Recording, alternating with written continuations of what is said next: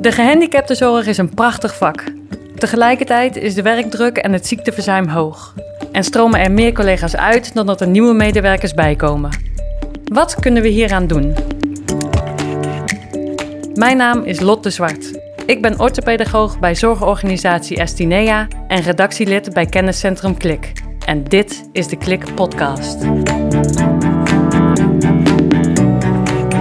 In deze aflevering gaan we het hebben over de arbeidsmarktproblematiek in de gehandicaptenzorg. En bij mij aan tafel zit Tom Schoorman. Hoi Tom. Hi, goedemorgen. Jij bent naast begeleider ook reisleider bij SOVAC, de zorgorganisatie waar jij werkt. En je bent ambassadeur voor de gehandicaptensector. Klopt. Net als begeleider Luca. Hi. Hi, collega van mij bij Estinea, die ook te gast is. Ja, leuk om erbij te zijn. Vandaag hebben we het met jullie over het gebrek aan personeel in de gehandicaptenzorg. Jullie enthousiasme over ons vak en wat jullie als oplossingen zien voor het arbeidsmarkttekort. Maar eerst zoomen we dus in op de huidige problemen, zoals de onderbezetting. Want uh, het is heel moeilijk om uh, de bezetting rond te krijgen. Tom, was het voor jou bijvoorbeeld lastig om hier te zijn vandaag? Nou, toevallig heb ik geluk, want uh, ja, het is vandaag mijn vaste vrije dag. Omdat ik dan uh, mijn dochtertje thuis heb. Dus ik heb wel wat oppas moeten regelen, maar voor mijn werk viel het wel mee. Um, wat ik wel heel erg heb gemerkt is dat de groepsapp flink aanstaat. Omdat we een paar nieuwe besmettingen met corona hebben. Dus ik heb mijn telefoon even op stil gezet, want uh, ja, ze zijn nu ook weer bezig met oplossingen zoeken. In je vrije tijd word je dus continu opgeroepen en wordt er continu een beroep op jou gedaan om toch te gaan werken. Hoe is dat? Ja, het is vooral in deze tijd met corona. We hebben natuurlijk gezien dat uh, ik kom uit Brabant, dus na de carnaval en na de wintersporten zie je gewoon dat er heel veel besmettingen zijn gekomen in Brabant. En dat zie je ook terug bij ons op de werkvloer. Uh, de gaten die er al zijn in de arbeidsmarkt, die waren er al. En nu uh, toch de regels versoepeld zijn omtrent corona en dus meerdere besmettingen komen, zie je gewoon dat in de huidige regelgeving met, uh, met quarantaine, dat je nog extra in de problemen komt. Dus ja, de groepsapp is heel actief de afgelopen tijd. En heeft dat dan gevolg voor jou op, op jouw gevoel van werkdruk? Um, als ik aan het werk ben, wel. Want uh, we moeten samen het rooster rondmaken. Dus uh, los van de zorg die je aan de cliënt wil besteden, uh, moet je nu de laatste tijd ook steeds meer tijd investeren om de roosters voor morgen en overmorgen nog kloppend te maken. Dus in principe is de werkdruk daardoor wel hoger op het moment. Ja. Luca, hoe is dat voor jou? Hoe is het bij jullie om de roosters rond te krijgen? die, is, die is wel lastig. We hebben nu twee openstaande vacatures die niet opgevuld lijken te worden. En uh, ja, je staat voor je gevoel altijd aan. Het is heel moeilijk om even uit te schakelen. Uh, dan komt er een berichtje binnen. Uh, moeten de diensten opgelost worden? En ja, dat blijft toch in je achterhoofd zitten. Van, gaan we die oplossen? Uh, werk ik vandaag wel met een volledige bezetting? Of moeten we het met één personeelslid minder doen? Ehm, ja, dat vraagt wel wat van je. En je staat de hele tijd aan om het rooster rond te krijgen, ook in je vrije tijd. Maar ook op je werk kun je dan ook nog aanstaan voor de cliënten? Dat is ook wat lastig. Zeker als je uh, weet dat de volgende dag een uh, gat in het rooster is. En uh, ja, die moet gewoon opgelost. Dus ondertussen ben je daar ook veel tijd aan het, in, in het, aan het investeren. om dat rond te krijgen. En eigenlijk zou je natuurlijk gewoon veel meer op, op de groep willen staan. En de oprechte aandacht echt bij de cliënt willen leggen. Lastig lastig dilemma. En toch, en toch zeggen jullie, jullie zijn allebei ambassadeur uh, in de gehandicaptenzorg. En toch zeggen jullie, dit is het mooiste vak wat er is. Zeker. Vertel er eens wat over, Tom. Nou ja, weet je, het, is, het, is gewoon, het, is gewoon, het geeft heel veel voldoening om uh, van waarde te kunnen zijn voor andere mensen. En of dat nou mensen met een beperking is, of, of oudere mensen, of de buurman, de buurvrouw. Um, dat is denk ik voor iedereen die in de gehandicaptenzorg, is dat echt een ontzettende drijfveer. Gewoon om, om uh, je steen bij te dragen dat uh, mensen kwaliteit van leven kunnen ervaren. En uh, dat is persoonlijk mijn belangrijkste drijfveer om dit werk te doen. Vertel jij er eens iets over, Luca? Ja, het ambassadeurschap is voor mij een, een hele mooie aanvulling. En mijn werk is niet alleen mijn werk, het is een passie. Ik vind het prachtig om te doen. Dus inderdaad, het allermooiste vak wat er bestaat. Je mag werken met mensen. Um, mijn visie in het ambassadeurschap is: ik wil die mensen laten zien aan de, aan de maatschappij dat deze mensen er echt bij horen en er mogen zijn. Dat, dat, dat is echt iets wat ik wil uitdragen. Ja, dat is jouw missie. Ja. ja. Wat ik daarbij aan wil vullen. Um, ik vergelijk het altijd een beetje. Hè. Heel veel mensen die hebben ook kinderen. En uh, ja, heel veel ouders zijn altijd heel trots op hun kinderen. Uh, als ze iets ontwikkelen, of als ze iets leren, of als ze gelukkig zijn, of als ze iets heel moois van zichzelf laten zien. En diezelfde trotsheid die komt bij mij ook wel terug op mijn werk. Dat als ik een bepaalde ontwikkeling bij een cliënt zie, of ik zie dat hij goed in zijn vel zit, of ik zie dat hij een hele mooie interactie heeft met een, een collega of een medecliënt of, of iemand uit de buurt, ja, dan kan ik daar echt wel heel trots en gelukkig van worden. Ja, en als, en als ambassadeur wil je die trotsheid wil je ook delen met de rest. Ja, zeker. Ja, en bij SOVAC ben jij ook uh, naast de activiteitenbegeleider ben jij reisleider. Um, nou, kun je eens iets toelichten over wat die functie inhoudt? Um, nou ja, wij hebben zelf hebben wij ook uh, last van de arbeidsmarktproblematiek bij, bij SOVAC. En uh, wij zijn dat goed gaan analyseren. Ik zit ook in de ondernemingsraad, dus vanuit dat stukje heb ik daar ook in mee mogen denken van, hey, hè, van, van, van, van wat kunnen we nou doen om die arbeidsmarktproblematiek voor ons zo klein mogelijk te houden. En uh, in die analyse is gebleken dat heel veel medewerkers die pas kort bij SOVAC werkten, of die in hun inwerkperiode zaten, dat die eigenlijk al vrij snel weer de organisatie gingen verlaten. Um, omdat ze eigenlijk toch wel slachtoffer werden van een bepaalde druk die er op de groepen was. Of, of, of uh, problematiek van de roosters niet gevuld. Je, je stapt eigenlijk altijd op een rijdende trein als je nu in de zorg stapt. En uh, daarom hebben wij reisleiders in het leven geroepen. En een reisleider is eigenlijk iemand die de eerste 100 dagen van het arbeidscontract van een nieuwe medewerker. Um, dat we eigenlijk een soort uh, steunpilaar voor die mensen zijn. Dus we hebben telefonisch contact met ze. Um, we kijken of alles voor ze geregeld is. Of ze de rooster weten. Of ze goed worden ontvangen, goed worden ingewerkt. En als daar problemen in ontstaan, dan gaan wij uh, samen met hun het gesprek aan van hey, hoe kunnen we jou daarin ondersteunen? En eigenlijk willen we daardoor het bad uh, wat we willen aanbieden zo warm mogelijk houden. Zodat ja, medewerkers toch uh, misschien net, uh, dat het misschien net het verschil gaat maken of ze bij SOFAC blijven werken of dat ze toch vervroegd afscheid nemen. Ja, en dus ja. op die manier dat je mensen bindt aan de organisatie. Ja, zeker. Eigenlijk gewoon, gewoon, gewoon een, een vertrouwde persoon wil je zijn voor nieuwe medewerkers. iemand waar ze op terug kunnen vallen als, als even net niet iets loopt zoals het zou moeten lopen. En uh, zo wil je inderdaad de medewerkers binden. Ja. En is het succesvol? Ja, zeker. Het was uh, wel mooi. Ik had mijn, uh, mijn eerste gesprek, want je moet ergens beginnen. En toen kreeg ik een, een toevallige leerling aan de telefoon. En uh, die wist eigenlijk niet wat haar rooster was. Ze wist niet waar ze moest zijn, want er was een miscommunicatie ontstaan op welke afdeling ze zou komen. Dus eigenlijk wist niemand van, hé, er komt een leerling. En zij wist ook niet waar ze naartoe ging. En het is wel mooi dat je dat dan als tussenpersoon uit kan zoeken. En dat je dat eigenlijk glad kan strijken. En uh, ja, dat, ik heb anderhalve maand geleden voor het eerst met haar contact gehad. En toen was ze eigenlijk best wel uh, paniekerig van, hey, komt het allemaal wel goed? En ja, had ze eigenlijk een beetje de neiging om een slechte start te gaan maken. En nu heb ik haar twee weken geleden gesproken en toen alles was gladgestreken. En uh, ja, zit ze helemaal op haar plek, is ze warm ontvangen en uh, ja, heeft ze het super naar haar zin. Heeft ze ja, al hele mooie stappen met cliënten gemaakt. Dus daar, ja, dan is het eigenlijk de investering van mij al waard. Ja, ja. dat is mooi. En de investering van Sovac waard. Ja, precies. En uh, dat was natuurlijk wel een dingetje, want je hebt natuurlijk in deze arbeidsmarkt, hè, ga je dan ook nog tijd van mij, want ik ben voornamelijk begeleider dan ga ik ook nog eens af en toe van de groep om, om tijd in dat soort dingen te investeren. Maar uh, ja, mijn, de, de, bestuurders zeg maar, die dit hebben georganiseerd, die zijn daar heel erg uh, begripvol in. En die zeggen ook van, we hebben liever dat we jou een uur buiten de groep uh, laten werken, zodat iemand warm ontvangen wordt. Zodat die medewerker in plaats van drie maanden misschien wel tien jaar bij de organisatie werkt. Dus ja. Dus het loont? Ja, zeker. Is, ja. Dit, is dit een oplossing die jij zou adviseren aan andere organisaties? Ik zou het andere organisaties zeker aanraden. Want uh, ja, je, je, je schept gewoon gelijk een vertrouwelijke band met nieuwe medewerkers. En je laat echt zien van, hé, hey, wij hebben hierover nagedacht. Wij zijn er voor jullie. Wij willen graag dat uh, het gaat slagen, dat jij hier komt werken. En uh, ja, we hebben nu, um, want we zijn een soort met een pilot begonnen, maar we hebben daar zoveel goede resultaten en reacties uit gehad, dat wij wel denken van dat dit wel een mede-oplossing kan zijn om uh, bepaalde problemen op te lossen. Ja. Oké, okay, nou ik hoop dat uh, alle bestuurders van alle organisaties deze oproep van jou horen. Zeker. Dus als reisleider zorg je voor een fijn warm bad voor nieuwe medewerkers die op een rijdende trein stappen, zeg je Tom. Luca, herken jij dat probleem dat je eigenlijk weinig tijd hebt om nieuwe collega's in te werken? Je wil natuurlijk dat warme bad geven, maar de werkdruk uh, ligt best hoog op het moment. En uh, daardoor kun je niet altijd datgene geven wat je je collega zou willen aanbieden.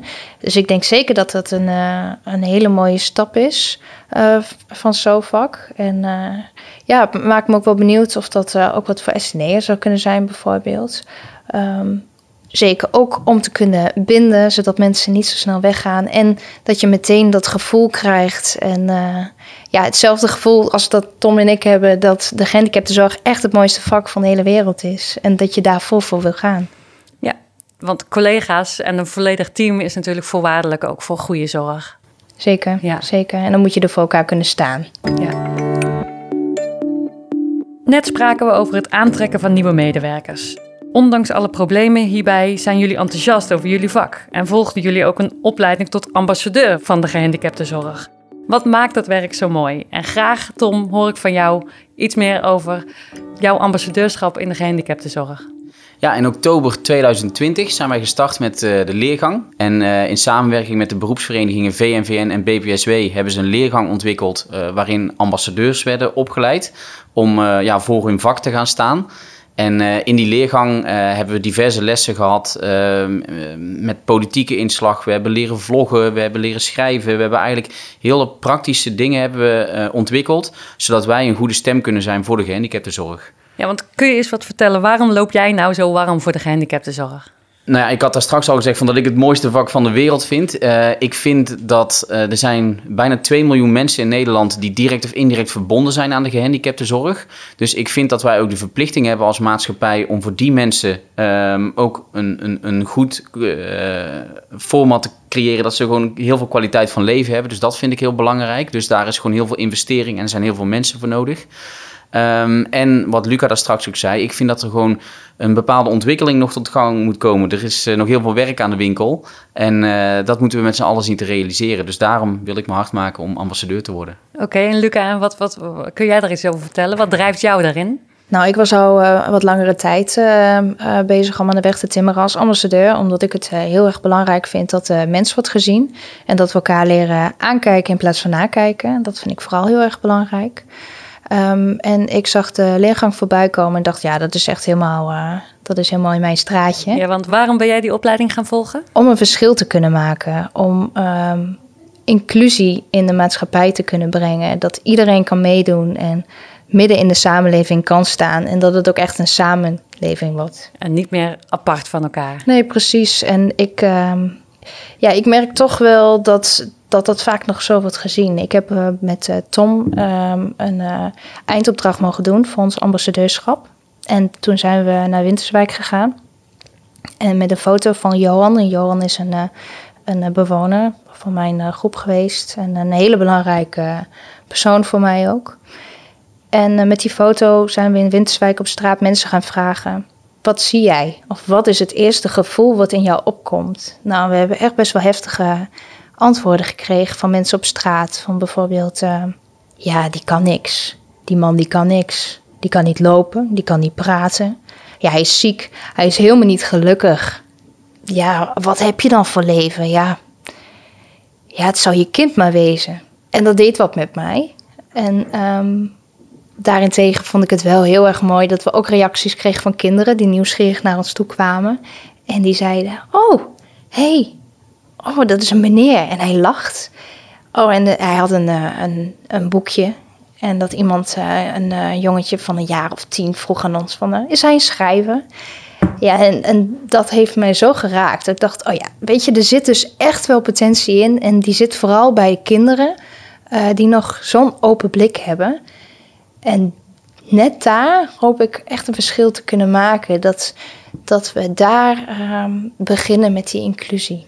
En dat iedereen weer als een kind leert kijken naar mensen met een beperking. Precies. Oké, dat is heel mooi. En hoe heeft jou die leergang geholpen?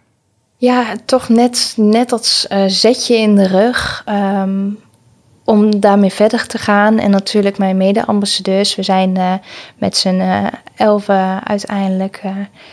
Ja, dat je, dat je er met elkaar staat. Dat je er als groep staat. En dat je meerdere onderwerpen ook kunt behandelen. Want er is nog zoveel te doen. En de ene ambassadeur zit bijvoorbeeld veel meer op die arbeidsmarkt, waar de andere meer op seksualiteit of um, ja, noem maar. Er zijn zoveel dingen nog te doen. Dus je kunt echt een verschil gaan maken. Ja, en dat, daar heeft die, die leergang jullie in geholpen. Zeker. Zouden jullie deze ook aanraden aan andere begeleiders, Tom?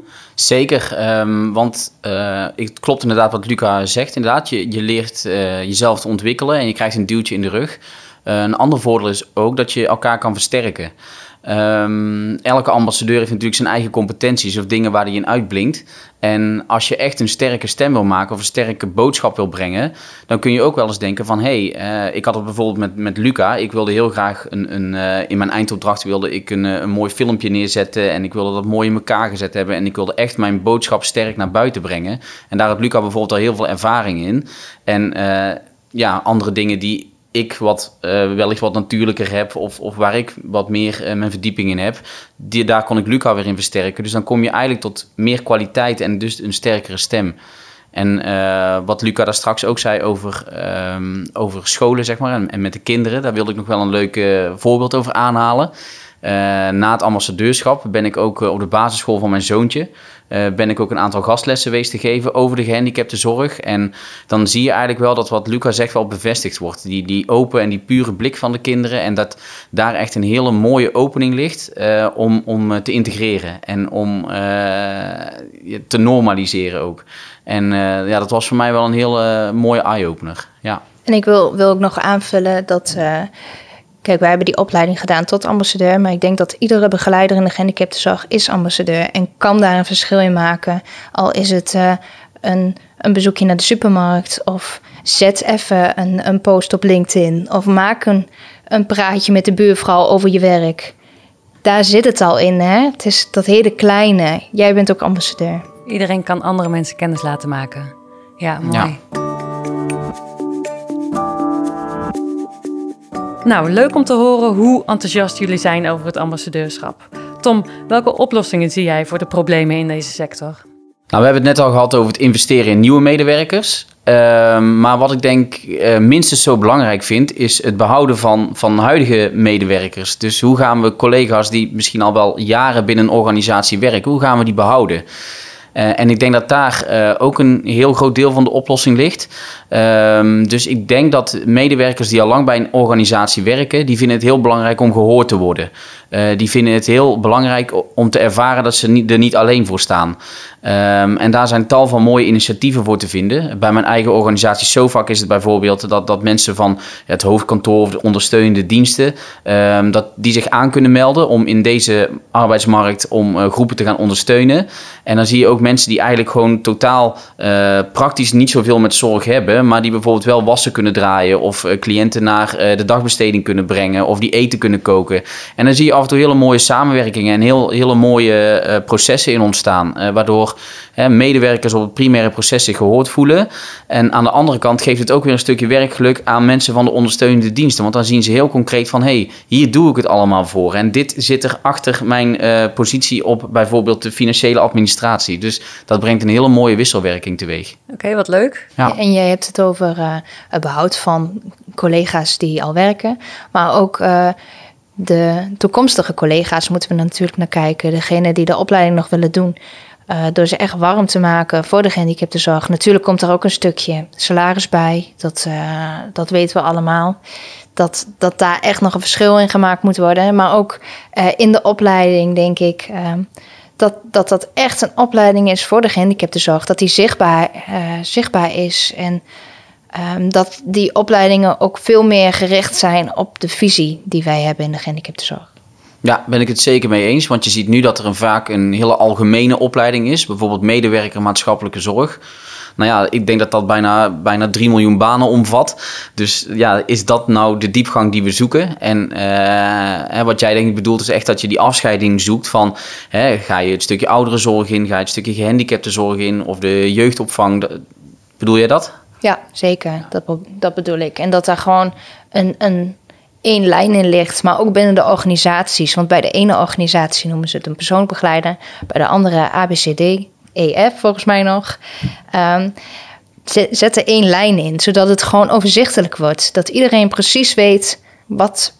Ja. Zodat onze professie eigenlijk wordt uitgelicht. Ja, dat het, dat het ook echt een, als een vak wordt gezien. Want dat dat is niet altijd. Het wordt niet als een vak gezien. Sommige mensen, want ik zit wel eens op een verjaardag, hè, dat zullen we allemaal herkennen. En dan wordt gevraagd, goh, wat doe je nog voor werk? En zeg je, ja, gehandicaptenzorg. Oh, is wel dankbaar. Dankbaar beroep. Ja, ja, ik moet er niet aan denken. En dan denk ik, ja, het is een vak hoor. Ik weet niet, uh, dan, dan voel ik altijd weer die, of ik een verantwoording moet afleggen. Dat ik denk, ja, wat moet ik dan zeggen? Dat ik een potential worker ben? Is dat dan interessanter? Klinkt dat dan beter? Wat wij doen is echt, uh, uh, hoe zeg ik dat? Het is een professie, het is iets waar we voor gestudeerd hebben. Net als dat een eh, belastingadviseur heeft gestudeerd om belastingpapieren in te vullen. En, en daar zeggen we ook niet, als hij zegt op een verjaardag van ik ben belastingadviseur, we ook niet, oh dat moet dankbaar zijn of dat moet heftig zijn. Ja, iedereen doet gewoon wat voor, waar hij of zij voor in de wieg is gelegd en wat aansluit bij zijn competenties en, en, en passie en, en uh, doelen in het leven. En uh, bij de een ligt dat op het vlak van de zorg en bij de andere ligt dat op het vlak van, van onderwijs of uh, bouw of ja, noem het maar op. En daarin zijn we in principe allemaal gelijk. Ja, en dat wordt er wel eens gezegd, oh, het is een roeping. Tuurlijk, uh, je doet het werk met je hart en dat is heel erg belangrijk, dat je dat, je dat gevoel er wel bij hebt. Maar ik denk dat heel veel mensen niet eens weten dat dat bij hun erin zit. Ja, en, en als je dat in een opleiding echt gericht mensen daarin gaat opleiden, zeg maar, en het vak ook als zodanig gaat erkennen, dan uh, kunnen er ook meer mensen zich aangesproken voelen. Precies. Ja, zeker. Zeker. En uh, wat Luca in het begin ook zei, van, hè, van dat het juist uh, zo belangrijk is om die jongste jeugd daarin mee te krijgen. Ik denk bijvoorbeeld dat uh, kinderen op een basisschool, die krijgen bijvoorbeeld aardrijkskunde, rekenen, taal. Ik zou het mooi vinden als een, uh, een vast onderdeel van een lesprogramma op basisonderwijs, dat het ook zorg is. Dat die kinderen in aanmerking komen met mensen met een beperking, of met ouderen, of met uh, andere pro problematieken waar mensen mee te kampen kunnen hebben. Zodat het eigenlijk normaal is dat we niet allemaal hetzelfde zijn. En dat het normaal is dat de ene persoon wat meer ondersteuning nodig heeft op een bepaald vlak en de ander wat minder. Maar dat, dat, dat die grens eigenlijk niet al bij het basisonderwijs al gemaakt gaat worden. want als, als je nooit aandacht schenkt aan zorg of uh, aan mensen die een ondersteuningsvraag hebben, dan leren kinderen eigenlijk al, zonder bedoeling hoor, maar dat ze eigenlijk al van hé, hey, jullie zijn eigenlijk de kinderen die een normale of nou ja, normale, die gewoon een reguliere ontwikkeling doorlopen. En als je die andere wereld nooit laat zien, dan is het als die kinderen dadelijk de toekomst moeten gaan bepalen en hun vak moeten gaan kiezen, dan is die wereld in één keer heel ver weg. En ik geloof er echt in dat als je die wereld van begin af aan in de jeugd dichtbij houdt, uh, dat uh, de vertaalslag ook naar uh, de toekomst van de kinderen ook gaat werken. Dus ja. dat ze dan eerder voor een vak gaan kiezen, omdat ze gewoon die ervaringen er al in hebben. Ja, want zorgen voor elkaar is gewoon normaal. Daar groei je mee op, ook op ja, school. Zeker. Precies, ja. op scholen, maar ook speeltuinen. Die zouden ook veel meer toegankelijk moeten zijn voor iedereen. Ja. Dus eigenlijk is een oplossing ook is dat kinderen van nu, hè, gezonde kinderen van nu, ook kinderen met een beperking ontmoeten in het dagelijks leven. Op school, in de speeltuin, op straat. Ja. Zeker. En uh, wat ik ook mooi vond, uh, toen wij op straat gingen, nou, op straat in Middelswijk gingen, was er ook een meisje die zei van ja, we hadden een, uh, een meisje in de klas met een beperking. Ja, eerst vond ik dat heel gek, tot mijn moeder zei dat ik, dat ik niet meer mocht plagen. Ja, nu is de doodnormaalste zaak van de wereld en kom ik voor haar op. En ja, ehm, ik ben gewoon niet zo goed in rekenen. En daar helpt uh, zij mij nu bij. En uh, zij is gewoon niet zo goed in taal. Ja, en hoe bijzonder is het eigenlijk, hè? Ja, dat het gewoon... Je bent gewoon heel erg gelijk. En dat kwam zo erg naar voren. En ja, dat is echt wel uh, iets wat ik heb meegenomen daaruit. Ja, dus inclusie vanaf het begin af aan. Vanaf dat kinderen al klein zijn. Dat zou helpen. Want dan worden mensen met een beperking niet gezien als iets bijzonders. Iets wat afwijkt, maar gewoon iets hè, iemand net zoals jij en ik, die misschien iets anders beter of slechter kan dan jij en ik. Tom, wat zou jij de politiek mee willen geven voor de huidige problemen? Uh, wat ik de politiek mee zou willen geven. We hebben het net al heel veel over gehad van nou, hè, hoe kunnen wij zelf op de werkvloer ervoor zorgen dat de positiviteit uh, een beetje terugkomt. En wat kunnen organisaties doen om, om stappen te zetten in het proces voor een betere arbeidsmarkt. Uh, ik denk ook dat de politiek daar stappen in te zetten heeft. Veel medewerkers ervaren hoge werkdruk, een te hoge administratieve last. Ik heb laatst een collega horen zeggen van ehm, misschien kunnen we beter een secretaresse aannemen dan een leerling, want dan scheelt ons al, onze, al dat papierwerk. dat is natuurlijk een beetje zwart-wit gezegd, maar er zit natuurlijk wel een kern in die, die, waar wel een waarheid in zit. En uh, over het stukje salaris, um, ja, wat ik daarover wil zeggen. Uh, ik denk dat we wel mee moeten in ontwikkelingen die andere sectoren de laatste jaren wel hebben gemaakt. En daar blijven wij toch wat achterin. En als wij een sterke zorgsector willen behouden in Nederland, dan denk ik dat we daar ook stappen in moeten zetten. Dus uh, ik denk dat hè, om, om echt de problematieken in de gehandicaptenzorg aan te pakken, dan zal het van, ja, van de huishoudelijk medewerker, de gastvrouw, de begeleider tot aan politiek Den Haag, zullen we daar stappen in moeten zetten. En uh, dat zou de politiek wel graag mee willen geven. Oké, nou, ik hoop dat ze luisteren in Den Haag. In de tussentijd moeten jullie het doen met de omstandigheden van nu, met corona. Uh, Luca, jij en je collega's, hoe houden jullie de moed erin? Het is heftig en uh, we hebben net weer een hele periode met veel besmettingen gehad. En soms is het lastig om je hoofd boven water te houden met het team. Maar toch merk je dat je zo sterk staat en dat je zo kunt terugvallen op je team. En het is al heel makkelijk om mee te gaan in, in het negatieve, om je daarin mee te laten slepen met de stroom mee. Maar juist uh, hou die moed erin, want ik heb echt een, een geweldig team en ik denk dat iedereen dat zo kan ervaren of ervaart. Um, wij staan voor elkaar. En op die manier hou je de energie er ook zeker, in voor elkaar. Zeker, en wil je er ook voor elkaar zijn. Oké, Mooi, dank jullie wel voor dit uh, gesprek. Hiermee zijn we aan het einde gekomen van deze podcast. Op onze website klik.org vind je ook een interview met Tom, waarin hij meer vertelt over zijn werk als ambassadeur en reisleider. En lees je meer over de uitkomst van de dialoogsessies over de problemen in de gehandicaptensector. Abonneer je op de Klik podcast om op de hoogte te blijven van nieuwe afleveringen en vergeet niet om een review achter te laten via je favoriete podcast app. Je kunt ook je ideeën en reacties mailen naar redactie.klik.org. Want wij zijn natuurlijk heel benieuwd wat jij ervan vindt. Bedankt voor het luisteren en graag tot de volgende keer.